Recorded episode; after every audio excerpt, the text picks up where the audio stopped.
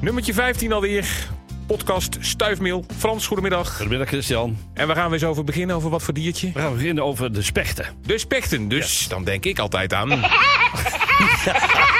Ja, en, en ik denk dat ik weet waarom Tex Avery, want dat is, dat is de, de, tekenaar van, eh, van Woody Woodpecker, want daar gaat het even over. Ja, ja. Ik denk dat ik weet waarom dat hij een, dat een lachende specht heeft gemaakt. Oh, waarom is het een lachende Nou, specht? kijk, spechten die zijn in de evolutie eh, eerder geboren dan zeg maar, bijvoorbeeld de ko- koolmezen. Dus die zijn eerder, waren die op aarde dan de koolmezen. En ehm dat kun je ook merken, bijvoorbeeld, spechten kunnen niet, niet, niet zingen. Die moeten, dus, eh, om een territorium eh, aan te duiden, moeten die roffelen op een tak. Daar ga ik daar even over hebben. Ja. Maar wat ze ook doen, is dat zij, vooral die grote bonte specht, die, en, en, en, en, en Woody Woodpecker is ook een kleurrijke specht, en die grote bonte specht is ook kleurrijk, die eten heel graag eh, eh, eh, zaden van, van sparren en, en, en van dennen. Ja. Nou, en daar hebben ze een, een soort hulpmiddel bij nodig. Want als zo'n zo'n zo'n specht op de boom zit met zijn twee poten. en heeft zo'n zo'n zo'n dennenappel in zijn, in zijn snavel hangen. Ja. dan kan hij die zaadjes niet eruit halen. Dus Nee. je moet iets hebben waardoor dat je dat ding kan klemmen. Nou, dat gebeurt al vaak in bomen die wat eh, ruimtes hebben. waar ze zo'n ding in kunnen klemmen. En als dat niet gebeurt, dan maken ze wel een gaatje waar ze dat ding in kunnen klemmen. Nou, ik heb een keer gezien. Ja. Dat, want die spechten moeten dus leren van de ouders hoe dat dan werkt. Ja, Nou, ja, zo eh, werkt op dat, een ja. bepaald moment was ik toevallig in het bos. En toen kwam er zo'n jonge specht aan. Die zette zo'n dennenappel zeg maar, mooi in zo'n wicht neer. Die begon die zaadjes uit te pikken en toen vloog hij weg. En toen kwam hij terug met een volgende dennenappel. Maar toen zat die dennenappel die hij leeg had gepikt... die zat nog in dat plekje waar hij hem in had gezet. Nou, en toen de meest komische zeg maar, figuren maakte hij toen. Want hij snapte niet dat je hem eerst had uit moeten gooien... om die andere erin te zetten. Dus hij kwam dan Oh. links van de boom, kwam hij vandaan. Dan rechts van de boom. Dan vloog hij weer opnieuw aan. En hij bleef maar kijken hoe dat ding eruit ging. Maar uitkijken, dat ging niet. Dus ik heb er eigenlijk kapot zitten lachen daar. Want hoe dat spechtje bezig was. Hij is zeker een half uur bezig geweest. En toen is hij weggevlogen en heeft hij volgens mij een andere boom gezocht. Dus het- ze hebben gewoon komisch talent Ze eigenlijk. hebben komisch talent, absoluut. Zonder meer. Ook dat lachen. Dat hoort er ook bij. Dat want, hoort er eh, ook bij. Want de andere spechten, er zijn dus hè, bekend de groene specht en de zwarte specht, die lachen ook als, dat, als ze roepen. Dan noemen we een lach. Een lach, een Dus lach wat dat betreft eh, is het een, vrolijke bende met die spechten. Maar er kwam een vraag binnen over een specifieke specht. Ja, er was dus een grote bonte specht. En waarom dat hij dus inderdaad niet... eh, hè, dat was Anne Roelen. Waarom dat die bonte specht, die grote bonte specht... bij haar in de tuin de pindas kwam opeten. En dan vroeg ze zich af, waarom gaat dat beestje niet naar het bos toe? Ja, nou kijk, spechten die kunnen bijna overal leven waar bomen staan. Dus in tuinen, in parken, in, in, zeg maar allerlei soorten landschappen... Als er maar bomen staan, en dan het liefst zachte bomen. Hè, want ze houden het meestal van berkenbomen om daar hun eh, zeg maar, eh, spechtenholen in te maken. Ook eh, beuken, die gebruiken ze wel, maar dan in de afgestorven openingen van de, waar ooit takken hebben gezeten. En in eh, dennenbomen maken ze ook nestholtes, maar dan eh, doen ze dat als die dennenbomen dood zijn. Want een zie je nooit in een levende dennenboom kappen, want dan heeft hij meteen hars in zijn bek en dan kan hij dan Nee. niks meer. Dan kan hij niet eens meer praten. Dus, eh, En dan laat staan gaat- lachen dan. dan, ja, dan, dan, dan, gaat het, dan vergaat hem het. Lachen vergaat hem. Gaat hem het lachen. Dus eh, daar maken ze dus een holtes in. En ehm, nou ja, dat zijn dus zeg maar allerlei activiteiten die ze dus doen in de buurt van waar ze dus hun nestholte hebben. Dus dat betekent ook dat in de winter gaan ze op zoek naar zaden. En dat zijn dan de, de- zeg maar de zaden van naaldbomen. Maar als daar een voedertafel netjes gedekt is in een tuin, waar vlakbij een park of een tuin een boom is waar hij zijn nestholte heeft, dan komt hij daar graag naartoe. Want spechten vliegen nooit heel erg ver. Dus ergens in de buurt bij Alroelen moet dus zeg maar een spechtenholte zijn en een spechtennest zijn. Nou, er zijn, eh, eh, we zeggen altijd eh bonte specht, maar ik zeg ook altijd liefst bij grote bonte specht. Ja. Want er zijn drie soorten bonte spechten. Oh, dus op zich, als je al denkt van dat is een bonte specht, dan denk je al dat je veel weet, maar dan valt er nog veel meer te weten. Precies, en heel vaak hebben mensen het idee Ja. dat in hun tuin de kleine bonte specht voorkomt. Omdat die kleine bonte specht, of tenminste, omdat de specht die bij hun in de tuin komt, niet echt groot is. Hè? Want bij groot denk je aan veel grotere vogels. Maar in dit geval is dus de, de vogel die het meest in de tuin komt, is de grote bonte specht. Ja. Die is ongeveer zo'n 24 centimeter. En die kleine bonte specht, ja, die is dus heel klein. Die is nou net ietsjes kleiner dan een mus. Dus je komt dan aan zo'n eh, 16 centimeter. En dat, dat is dus wel een heel duidelijk verschil. Dat kun je toch heel goed zien. En dan heb je nog de middelste bonte specht. En die wordt al zo'n 22 centimeter. Dus die grote bonte specht is echt een grote bonte specht. Het is ook de meest brutale specht van eh, de drie. Ehm, naast dat ze voedsel eten uit uh, naaldbomen en, en zeg maar van voederplanken, zijn het ook heel ondeugende spechten die ook uh, jonge vogels opeten en uh, zeg maar de eieren van vogels ook opeten. Dus als ze toevallig een nestje weten wat een beetje onbeschut is, dan is het zo leeggeroofd door zo'n grote bonte specht. Het zijn gewoon moordenaars. ja, dus echt, ze, mensen geven heel vaak dus de, de Vlaamse gaaien en, en, en de kauwen de schuld van de rovers van zangvogels. Maar die grote bonte specht die lust ook wel pap van hoor. kan dus, er ook wat van. En dat doen ze nog lachend ook nog. En dat doen ze soms lachend ook nog, ja precies. Ja. Dus moet je dus nagaan. Ah, wat, wat, wat, wat, wat voor specht is Woody eigenlijk? Nou, Woody is volgens mij een... een, oh, dit is, een, ik heb een eh, fotootje erbij hier voor ja, jou dan. precies. Woody is, is volgens mij een, een, een... Ja, het is helemaal uit, uit de kleurenrijkdom van de Amerikaanse Ja, spechtenwereld Blauw, gehaald. blauw, wit en rood. En Ja, precies. Het is de Amerikaanse spechtenwereld. Ik denk dat hij eerder een, een, een zwarte specht is, maar dan een familie van de zwarte specht. En dat hij misschien meer allerlei kleuren heeft. Of vooral voor die lach. Ja. Want eh, grote bonte spechten lachen niet.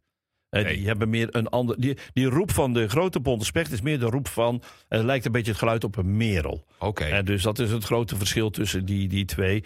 Ehm, ja, en dan heb je dus zeg maar. eh, verder heeft die eh, grote bonte zowel mannetje als vrouwtje roffelen. Ja. Dus die geven beide territorium aan. In het geval van dat mannetje soms wel ook alleen roffelen is omdat ze een mooie vrouwtje willen hebben.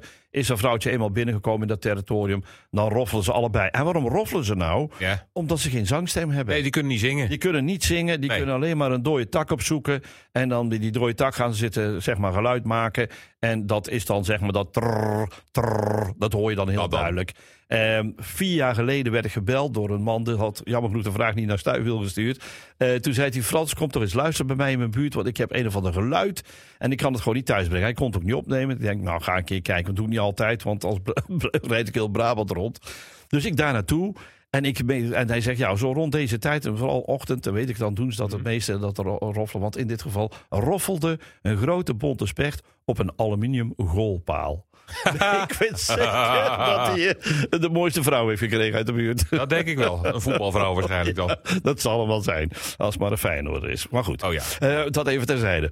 Eh, dan heb je dus die middelste bonte specht. Dat is dus een hele bijzondere specht. Want die is dus ja, pas kort weer in ons land. Hè. Dus het is zo dat tot 1950 gingen steeds verder de spechten achteruit. Mhm. En hadden alleen nog een grote bonte specht over. En zeldzaam in oude bossen zwarte spechten.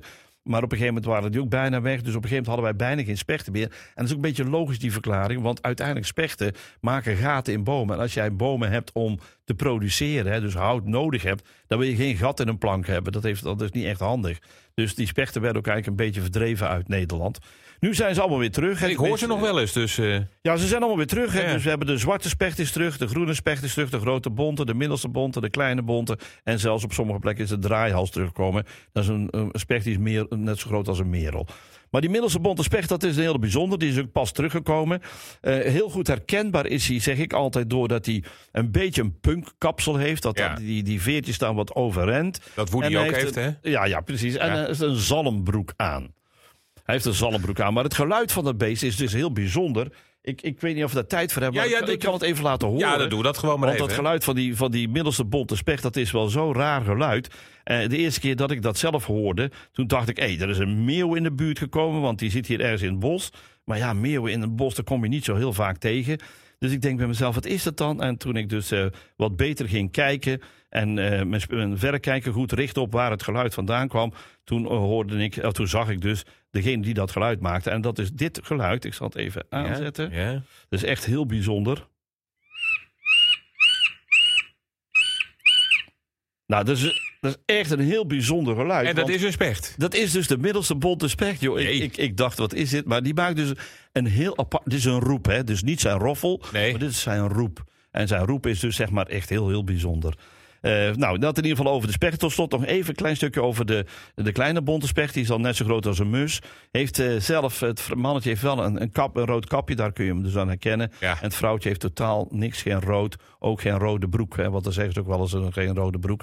En als je dat geluid, dat roffelend geluid hoort van een kleine bonte specht. Zeker voor oudere mensen is het geweldig om dat te horen. Want het lijkt net alsof er een singer-naaimachine in het bos staat.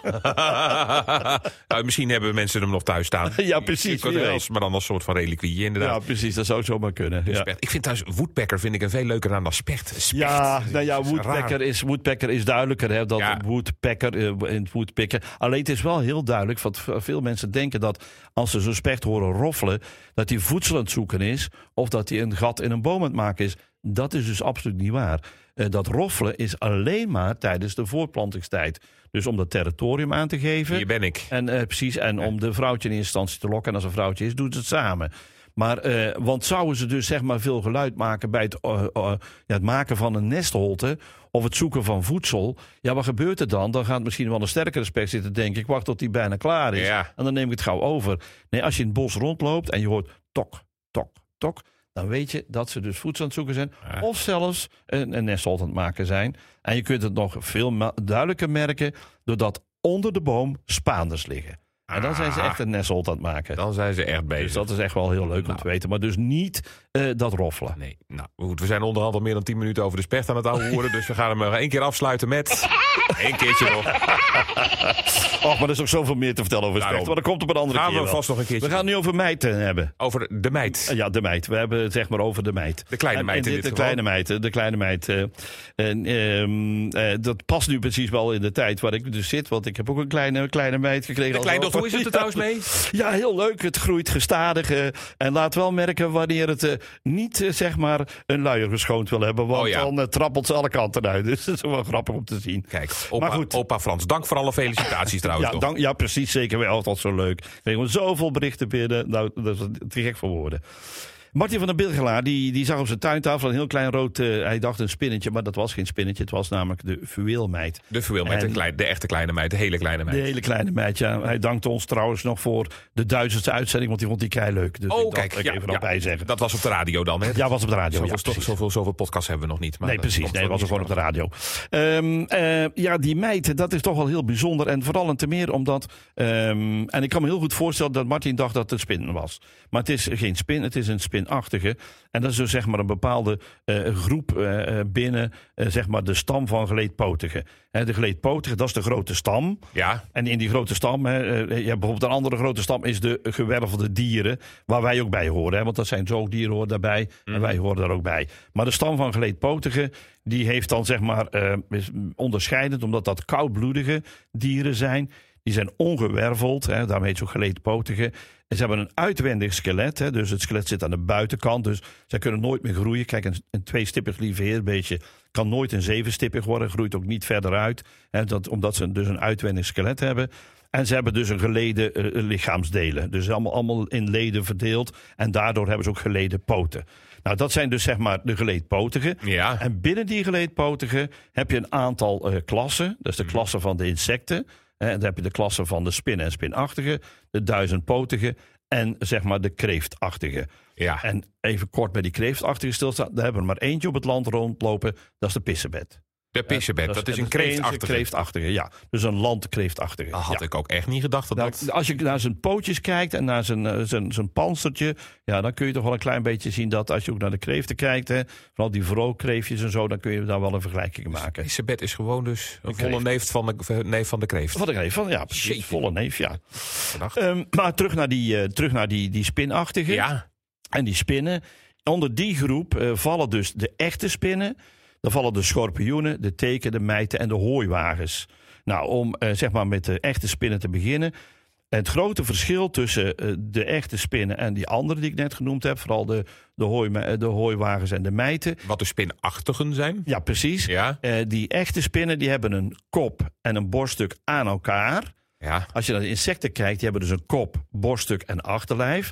Maar de spinnen, de echte spinnen, hebben de kop en borststuk, dat zit aan elkaar tot één geheel Ja. verweven. En een achterlijf. Dus die hebben twee delen eigenlijk. Kop, borststuk Ja. en achterlijf. En de spinachtigen ja. hebben alles in één. Kop, borststuk en achterlijf. Dat is één geheel. Kijk maar eens naar zo'n hooiwagen. Dan zie je in het midden van die lange poten... zo'n zie je kopje één- zie je dan. Ja, daar zit één ding zitten. En dat is dus alles kop, borststuk en achterlijf. Ah, ja. Nou, dus, nou, die echte spinnen zijn dus ook nog eens een keer. ehm, ehm, het zijn dat de dieren die kunnen spinnen. Die kunnen dus rag maken. Ja. Die spintepels hebben. Dat hebben dus de andere eh, spinachtigen allemaal niet. Ook die mijten niet en ook die hooiwagens niet. En wat ook nog meer is, ze, ze kunnen dus zeg maar ook in feite met hun. Ze hebben eigenlijk twee dingen aan de voorkant zitten: twee kaken en twee palpen. Nou, die kaken zijn om het dier wat ze gevangen hebben vast te houden. Ja. En die palpen zijn eigenlijk tasters. Die tasten dan de wereld af om te kijken of er ergens eten in de buurt is. Nou, dat, dat zijn, hebben, dat zijn een soort van voelsprieten, mag ik het ja, een soort van zeggen? voelspriet. Ja? Dat noemen ze in dit geval tasters bij die. Omdat, het, omdat het niet echt heel sprietachtig is, maar eigenlijk een beetje lijkt op die kaken. hè. Wat grotere eh, zeg maar onderdelen zijn van het lichaampje.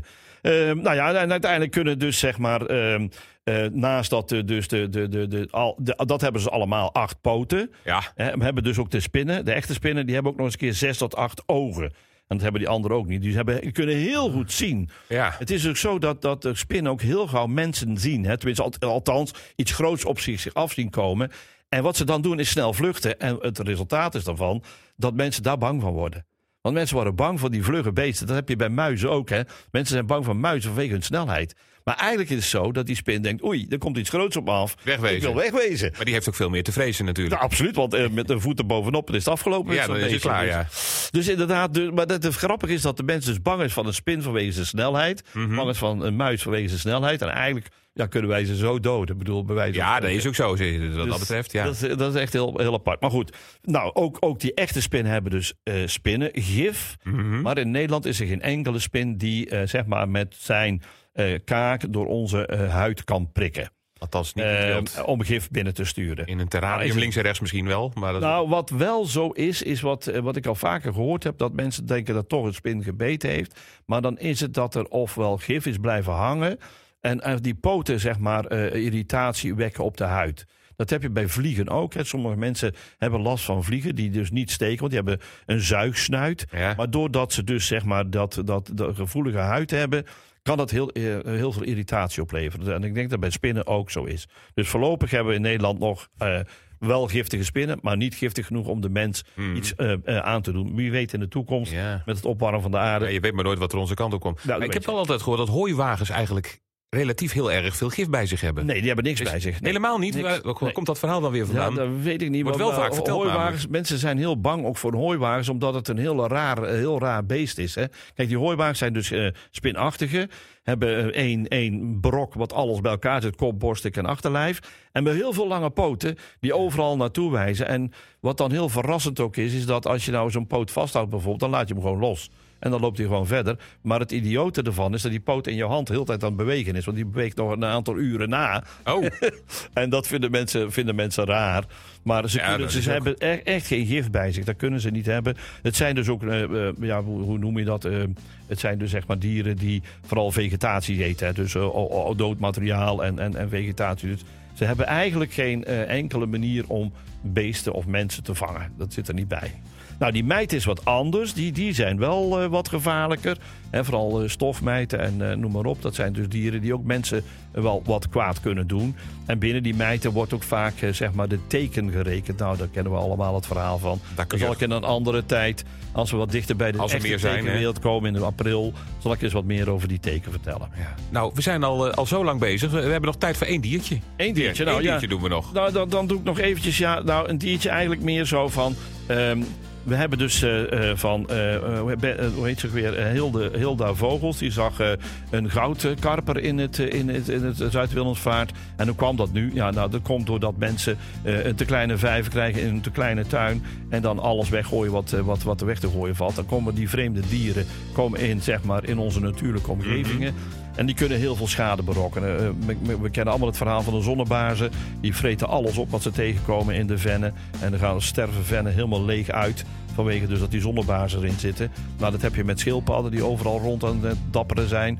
En nou, die, die, die zijn zelfs gevaarlijk, want die hebben een bijtsnavel. Ja. Nou, die bijtsnavel die kan zelfs een, een pink van een kindje gewoon eraf halen. Ja, Want het zijn dus echte roofdieren. Nou, wat in Nederland gelukkig aan de hand is door, die, door al die schade die aan mensen berokkend wordt, ziektes die overgebracht worden. Want denk maar eens aan de tijgermug hè, met zijn ziektes. ehm, heeft nu Nederland een aantal maatregelen genomen. En ook Europa heeft die maatregelen genomen. En die hebben dus onder andere besloten ook in ieder geval eh, een heleboel exoten aan te pakken. Waaronder ook, en dat eh, ja, voor veel mensen dat verbaast, maar ik vind het wel terecht, ook een hele lijst met eh, zoogdieren die alleen nog maar gehouden mogen worden in ons land. Nou, die lijst zal ik volgende keer op Stuifmeel eh, op de website erbij zetten. Want dat vind ik wel leuk Ja. om de mensen te laten zien. Nou, er staat een paard en een koe en een hond gewoon bij natuurlijk. Maar er staan ook een soorten bij die wat minder meer algemeen zijn. Maar bijvoorbeeld een Bengaalse kat, die staat er niet op, want die mogen niet meer gevoerd worden. Uh, al die bijschildpadden mogen Dus, niet dus meer. dieren die wel gehouden mogen worden, staan op de lijst. Die gaan, ja, die lijst zal ik op uh, op de websitepagina zetten. Ja. Ja, oké, ja. Hey, maar we we hadden het nog even, want als, als aanleiding hiervoor van mensen die dan hun schildpadje of hun vis dus eh, maar in de vijver gaan gooien. Want ja, ik kan het in mijn eigen vijvertje, kan ik hem niet meer hebben. Nee, wat moet je dan wel doen als je bijvoorbeeld eh, je, je gaat verhuizen en die vijver moet leeg? Ja. Wat, wat, wat moet je dan doen? Nou, in eerste instantie moet je al nadenken voordat je zoiets gaat kopen. Dat Ja. vind ik al heel belangrijk. Je moet geen eh, vreemde soorten eh, dieren gaan kopen die, waarvan je weet, kijk, zo'n klein, klein schildpadje, dat wordt groot. Dat weet je gewoon. Ja. En als je een klein vijvertje hebt en je hebt een klein schildpadje, dan past het nog wel. Maar je weet dat die groot wordt. Dus dan gaat een keer fout. Dus Ja, maar so- soms kopen mensen een huis met vijver, zit hij er al in. Ja, dat is iets anders. Dan, zou, dan moeten ze gewoon de dierenbescherming zo gauw mogelijk bellen. Die komen ze dan ophalen en die brengen ze dan onder bij diverse opvangcentra. Want dat kan ook wel gebeuren. Dat gebeurt met ook grotere dieren. Stel dat je, dat je een Belgaanse kat tegenkomt of een ander soort kat die niet thuis hoort in onze belgewone dierenbescherming op. En ja, zij zeggen dan altijd van ja, het moet wel dier zijn wat vast zit. Maar goed, in sommige dieren gaan ze ook al achterna. Die gaan ze ook al vangen. Ja. Eh, omdat ze toch wel willen hebben dat de beest niet de Nederlandse natuur eh, vernielt. Maar als je toevallig iets hebt in huis wat inderdaad niet past in, eh, in, in, jouw, eh, in jouw filosofie of wat niet past in onze Nederlandse natuur, bel dan de dierenbescherming op, want er zijn mensen die weten precies wat je daarmee moet doen. Ja, ja. Mensen, ik denk dat er ook een boel mensen zijn die in hun naïviteit denken van... ah, die ga ik gewoon ergens in een vijvertje hier eh, om de hoek. Hebben ze een mooi parkje, daar heb je zo'n vijvertje, dan doe ik hem daar gewoon in. Ja. Niet doen. Nee, precies. Nee, Echt want ik zeg niet altijd dat mensen het bewust schuldig nee. doen, maar het kan ook onschuldig zijn. Maar dat moeten ze gewoon niet doen, want het is dus nadelen voor zowel de mens als voor de natuur. Nou, er zijn zoveel mensen die zo onnozel zijn als het over de natuur gaat. Nou, hier zit een voorbeeld, maar gelukkig heb ik jou. Frans, dankjewel. Graag gedaan. We kunnen eh, alle plaatjes en alle verhalen, eh, daar kunnen we meer over lezen in het artikeltje. De link vind je bij de beschrijving van deze podcast. En volgende week gaan we nummer 16 doen, Frans. Nummer 16, zeker weten.